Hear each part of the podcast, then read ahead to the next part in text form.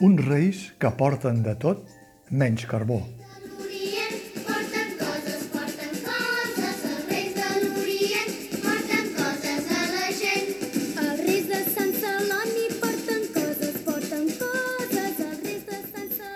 Després de la llarga trajectòria de la companyia La Trepa,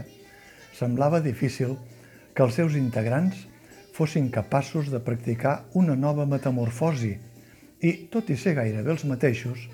reaparèixer rejuvenits i en un espectacle de factura molt actual on són capaços de fer els papers més diversos, des dels infants,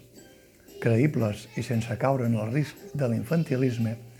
fins als més espavilats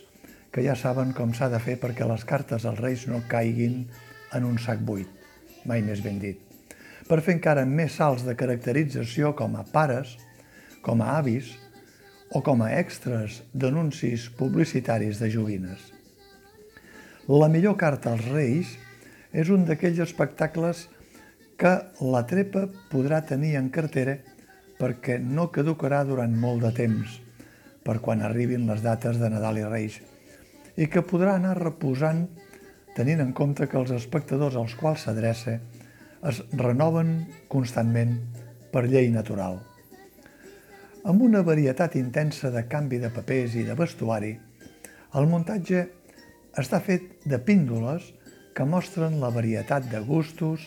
desitjos, il·lusions, circumstàncies i situacions en què alguns infants es troben a l'hora de fer la seva carta als Reis. I en aquest sentit, el guió de l'obra té una sensibilitat especial a tocar, sense que es noti excessivament, però que faci el seu efecte. Qüestions com la igualtat de gènere,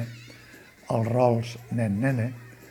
els tòpics de joguines per a nens o de joguines per a nenes, la prevenció sobre el rebuig a la diferència,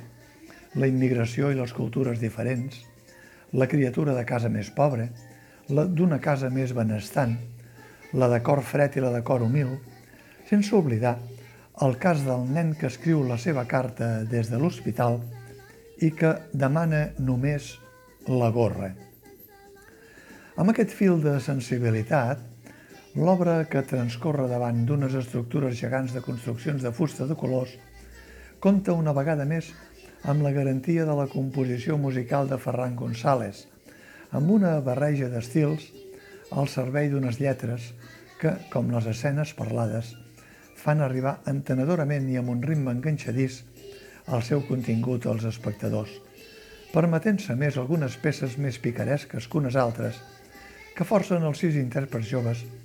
a treure tot el profit a les habilitats musicals i coreogràfiques. Unes coreografies que dirigeix habitualment Esther Pérez, també una de les actrius que, per exigències de guió, fa els papers més diversos, des del de la nena a l'àvia o la noia immigrant amb ell. Enmig de tots ells, la veterania de Maria Agustina Soler, el patge reial que recull les cartes, aporta els moments dels missatges de més enllà de la màgia, on totes les il·lusions són possibles de complir. Fins i tot la de donar com a testimoni de la seva existència el barret de plomes a la mare d'aquell infant que s'ha quedat internat a l'hospital demanant per carta la gorra. L'espectacle La millor carta als Reis és, valgui la comparació, una de les millors propostes familiars,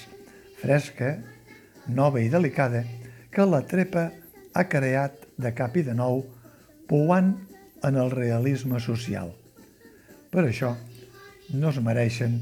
gens ni mica que algun rei despistadot amb el camell endropit passés pel teatre i els deixés només carbó.